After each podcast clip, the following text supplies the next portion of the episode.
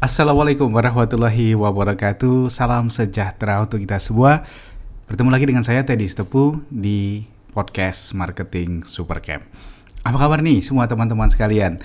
Semoga sehat ya dan tidak kurang suatu apa pun. Apalagi sekarang kita sudah masuk di triwulan terakhir tahun 2019. Ya, sudah awal Oktober dan tiga bulan lagi maka tahun 2019 akan berakhir. Ya, teman-teman sekalian, hari ini saya ingin membahas satu topik tentang media sosial marketing dan terutama saya mau menjawab pertanyaan yang ada di Facebook saya di postingan media sosial saya. Ya, satu pertanyaan dari Mbak Nuni Setia Ningari. Bagi Pak Teddy, kesulitan yang pertama pas bikin status jualan. Jangankan order, like aja jarang. Hehehe. Padahal bikin kalimatnya sudah mikir-mikir supaya buat menarik, udah berusaha nggak nyampah di wall orang, dan menyetatus jualan maksimal dua kali sehari. Yang kedua, bikin status yang menarik masih sulit banget. Jadi dua hal itu, ya teman-teman sekalian, saya ingin bahas bahwa Facebook atau media sosial yang lain seperti Instagram menggunakannya mudah banget ya menggunakannya mudah banget sehingga orang masuk ke Instagram atau Facebook nggak pakai belajar, nggak pakai belajar, mereka pakai kemudian mereka merasakan ya saya bisa gunakan ini untuk jualan. Sedemikian gampangnya sehingga ngerasa nggak perlu belajar. Itu yang terjadi kepada banyak orang. Mungkin termasuk saya ya awal-awal dulu dan banyak teman-teman kita yang lain juga begitu. Pokoknya pakai Facebook untuk jualan gampang. Gitu. Jadi nggak perlu belajar, nggak perlu baca buku, nggak perlu ikut seminar, nggak perlu ikut training. Teman-teman sekalian, di situlah problemnya. Kita membuat Facebook, Instagram, dan media sosial lain sebagai tempat uh, marketing berjualan dengan atau tanpa bekal ilmu yang cocok, yang pas. Sehingga kita coba ini, coba itu, ya akhirnya error. Akhirnya Facebook kita, Instagram kita itu tidak berfungsi sebagaimana yang kita harapkan. Ya, kadang-kadang seperti yang disebut Mbak Nunik tadi, jangankan untuk order, yang like atau ngeliat aja jarang gitu. Nah, terus bagaimana solusinya? Bagaimana langkah kita supaya Facebook kita, Instagram kita itu memang bisa menjadi sarana jualan? Baik, ada beberapa langkah ya teman-teman sekalian, ada beberapa langkah yang perlu kita lakukan ya. Saya eh, sampaikan saja dalam podcast ini secara Eh, spontan ya, tidak saya siapkan skrip maupun materinya dengan kaku. Nanti kalau ada yang kurang, ada yang mau menambahkan silahkan di kolom komen tambahkan poin 1, 2, 3 gitu uh, supaya untuk menambah lagi wawasan bagi kita yang mendengarkan podcast ini. Yang pertama, kita harus menyiapkan akun kita itu memang siap untuk bisnis ya, untuk bisnis. Artinya akun kita ini memang ditujukan untuk bisnis ya untuk jualan. Jadi bukan sekedar kita punya akun terus isinya bermacam-macam, sampingannya jualan gitu. Nah itu nggak pas. Kalau kita memang mau jualan, itu seolah kita mau bangun toko, kita bangun ruko di akun Facebook kita itu. Jadi jangan dicampur sama barang-barang lain gitu. Jualan kita apa, tampilannya apa, nah itu yang kita sajikan. Kalau kita punya akun personal, maka akun personal kita itu harus menampilkan sosok profesional kita sebagai penjual. Ya, yang kedua, kalau kita pakai akun fanpage, maka fanpage kita itu pun harus juga menarik sebagai penjual. Nah, sekarang tergantung dari bidang industri atau barang yang mau dijual apa sih gitu. Ada akun baik itu yang personal maupun akun yang fanpage tidak langsung jualan ya, tidak langsung mendeklar dirinya itu ya ini sebagai situs jualan, jual eh, barang-barang tertentu. Misal, dia bermain di industri pakaian, uh, aksesoris, peralatan olahraga sepak bola misalnya gitu. Dia tidak serta-merta buka toko uh, fanpage ya, misalnya fanpage sepak bola, uh, toko alat olahraga atau toko baju-baju jersey sepak bola ya tidak begitu, tapi dia bisa buat fanpage penggemar Liverpool, fanpage penggemar Chelsea, fanpage penggemar Liga Premier dan seterusnya seperti itu. Nah, fanpage-nya itu kemudian membahas isu-isu terkini, hasil pertandingan, review eh, pertandingan yang seru, yang heboh, ada cerita-cerita tentang pemain-pemain bintang sepak bola. Nah, itu yang membuat daya tarik orang men, orang datang dan mengikuti fanpage itu. Bukan karena ada jualannya di situ. Sangat jarang sekali lah kita mengikuti satu fanpage, mengikuti postingannya karena kita mau beli sesuatu. Jarang banget. Ya. Nah, itu contoh tadi tentang e, bisnis di bidang olahraga di sepak bola. Ya, jadi saya ulang kembali, fanpage-nya dikemas dalam bentuk memberikan informasi, memberikan ulasan pertandingan, memberikan kabar-kabar tentang pemain bintang. Nah, nanti pada suatu momen-momen tertentu dia bisa posting barang merchandise tertentu yang memang available untuk dijual. Nah, tentu beda nih sikap eh, orang-orang uh, yang follow fanpage tadi mungkin beda kalau diceritakan di situ memang langsung jualan jersey olahraga. Mungkin orang nggak akan banyak tertarik untuk ikut atau follow fanpage-nya itu. Ya, itu yang pertama. Contoh yang kedua, misalnya yang saya ikuti juga, ini fanpage dari Mbak Berta Suranto. Fanpage-nya terkait eh, training terkait dengan teknik-teknik ya hidroponik ya menanam di dalam instalasi yang kemudian nutrisinya lewat cairan itu hidroponik. Nah di situ Mbak Berta dan suaminya itu membangun bisnisnya bukan jualan peralatan hidroponiknya ya yang ditonjolkan. Yang ditonjolkan adalah di situ tempat berkumpul orang yang punya hobi hidroponik. Banyak orang yang tertarik untuk ikut untuk dapat ilmu, dapat pengalaman dari Mbak Berta ya. Terus kemudian memang di situ dibagikan banyak sekali ilmu-ilmu tentang hidroponik dan asik lah. Jadi kalau nanti teman-teman mau kunjungi linknya ada di sini, ada di deskripsinya. Silahkan dilihat betapa uh, fanpage-nya itu memang asik gitu buat orang-orang yang suka hidroponik. Nah, nanti memang ada postingan-postingannya yang pengumuman, ada kelas training, ada juga bibit yang dijual dan lain-lain. Tapi itu sedemikian menyatu dengan tema cerita hidroponik uh, bercocok tanam ala hidroponik yang dibangun oleh uh, Mbak Berta itu. Nah, jadi teman-teman kalau bicara soal tadi bagaimana sih menggunakan Facebook untuk jualan, nggak selalu harus bentuknya posting kita jualan gitu ya. Nggak selalu bentuknya harus posting uh, promo ya kita bisa berbagi ilmu di bidang yang memang berkaitan sama jualan kita.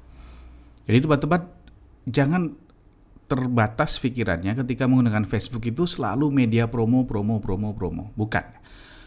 Jadi Facebook itu atau Instagram atau media sosial lainnya yang paling powerful kita gunakan ya untuk marketing adalah membangun komunitas, menarik orang yang punya minat, yang punya minat terhadap industri kita itu barang yang kita jual atau jasa yang kita jual itu tertarik dengan kita, tertarik dengan apa yang kita posting. Jadi nggak selalu harus bentuknya jualan.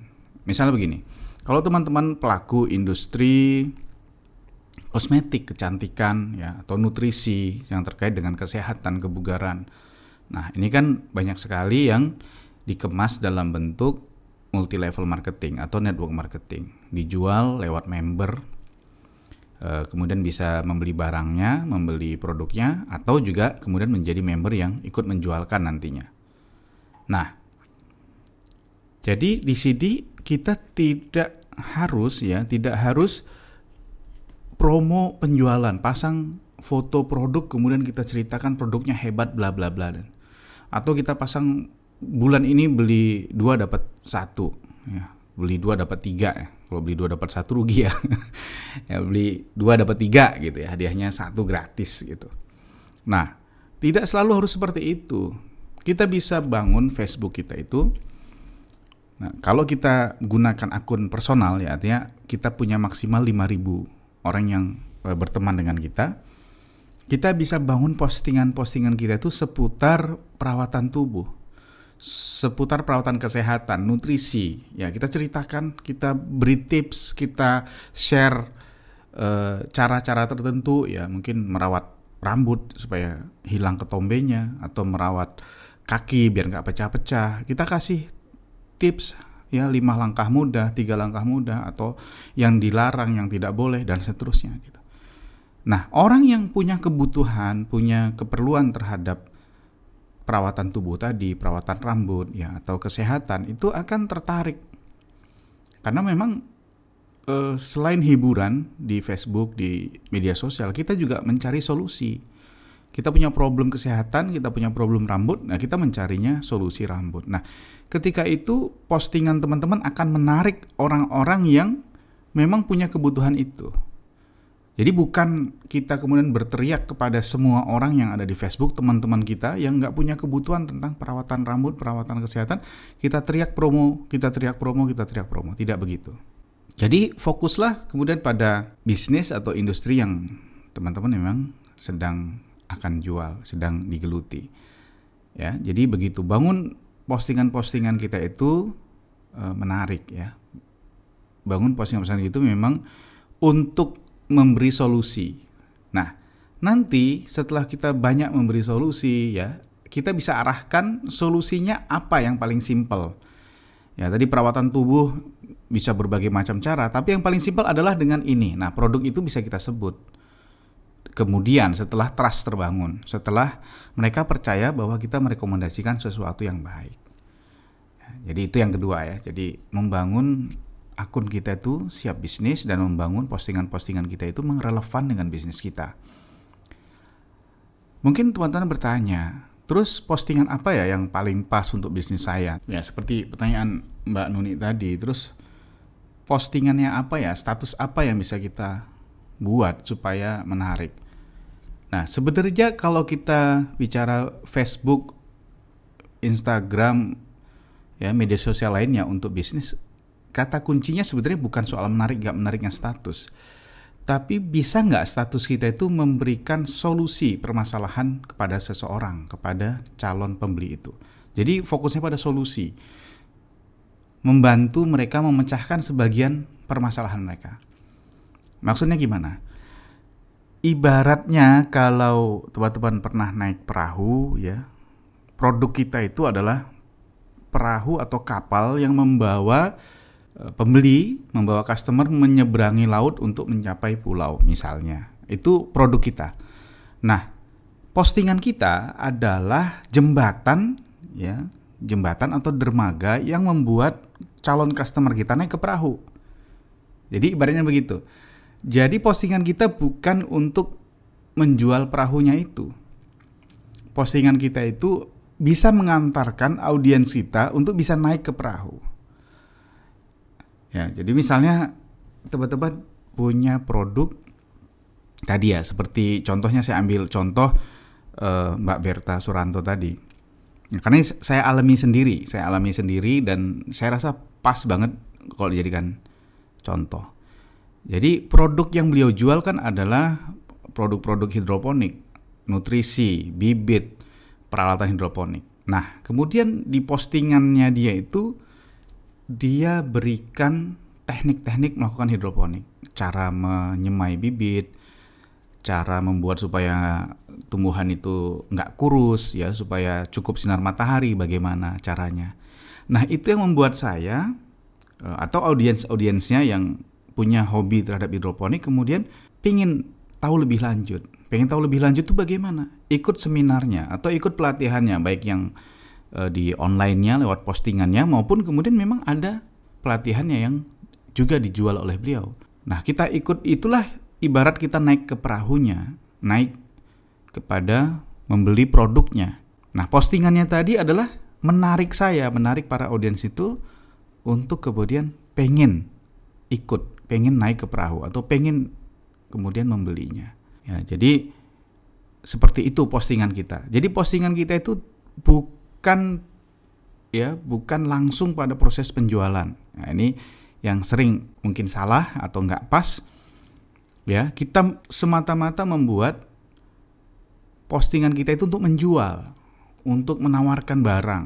Nah, sebenarnya belum ya, belum harus ke situ. Postingan kita itu kita tujukan supaya orang tertarik mengetahui ini mau ke mana, mau apa, barangnya bagaimana dan seterusnya. Belum mungkin belum membeli. Nah, next step kalau dia sudah punya ketertarikan, ya, kemudian bisa kita lanjutkan dengan proses penjualan yang sesungguhnya lewat memberikan promo, memberikan gimmick, ya, beli satu dapat dua, atau kalau beli sebelum ini dapat bonus ini, atau nggak perlu pakai promo-promo, ya pokoknya ini barangnya mau dijual. Nah, jadi itu yang ketiga ya, jadi jadikanlah Facebook postingan itu sebagai pengantar untuk orang mengetahui lebih banyak tentang produk yang kita jual, tidak langsung harus membeli. Nah, contoh lain e, tentang properti ya, di bidang properti. Yang sering saya lihat adalah postingannya itu ditujukan untuk memberikan promo. Beli hari ini dapat diskon sekian persen atau beli hari ini gratis booking fee atau beli hari ini dapat uh, hadiah rice cooker, AC, apa pun lah itu. Nah, jarang sekali saya menemukan uh, postingan dari perusahaan properti yang menjelaskan ya tentang misalnya bagaimana mengurus IMB, bagaimana apa pentingnya IMB, apa pentingnya uh, surat-surat lengkap, apa pentingnya membayar pajak, bagaimana cara menghitung pajak properti Anda. Ya, yang kemudian bisa disambungkan dengan contoh produknya. Produknya itu ada di mana, lokasinya bagaimana. Dilihatkan lingkungan lokasi perumahannya, dilihatkan tetangganya, dilihatkan kualitas bangunannya. Jarang sekali. Nah, sehingga kemudian kalau ada komplain atau ada ada prob atau ada keluhan dari marketing kok susah saya jualan lewat media sosial, Facebook atau Instagram Ya tentu karena tidak dilakukan prosesnya itu dengan dengan sistematis, dengan lengkap siklusnya nggak dilengkapi.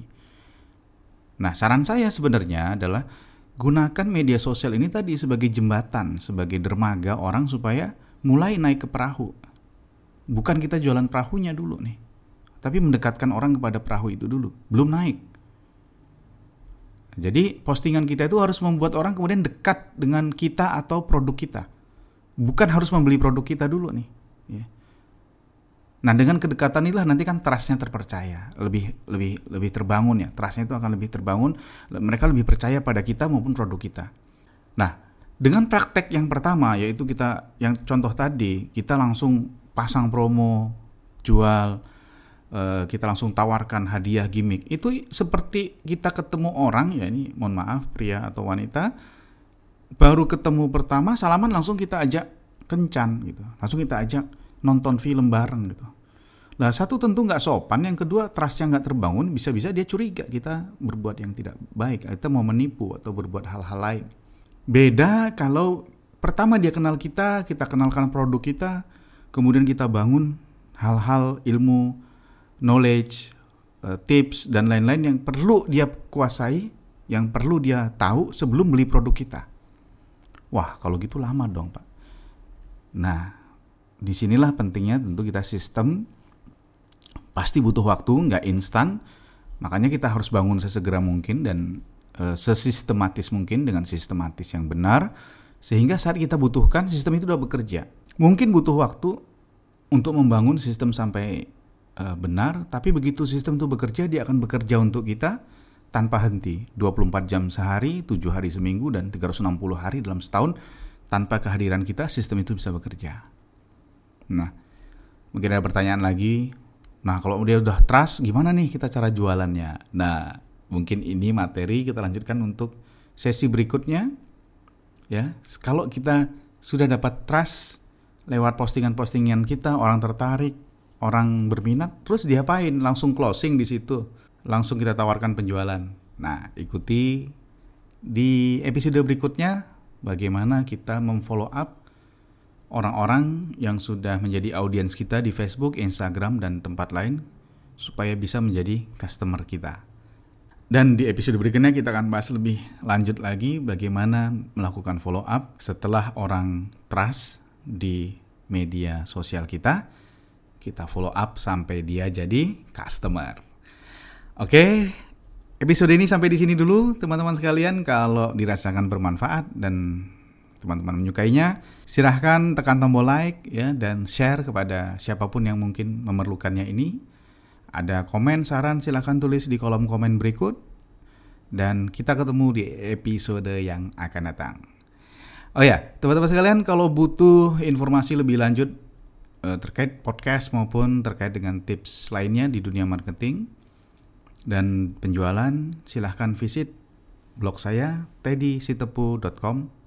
Linknya ada di deskripsi berikutnya. Oke, sampai ketemu lagi di episode selanjutnya. Assalamualaikum warahmatullahi wabarakatuh.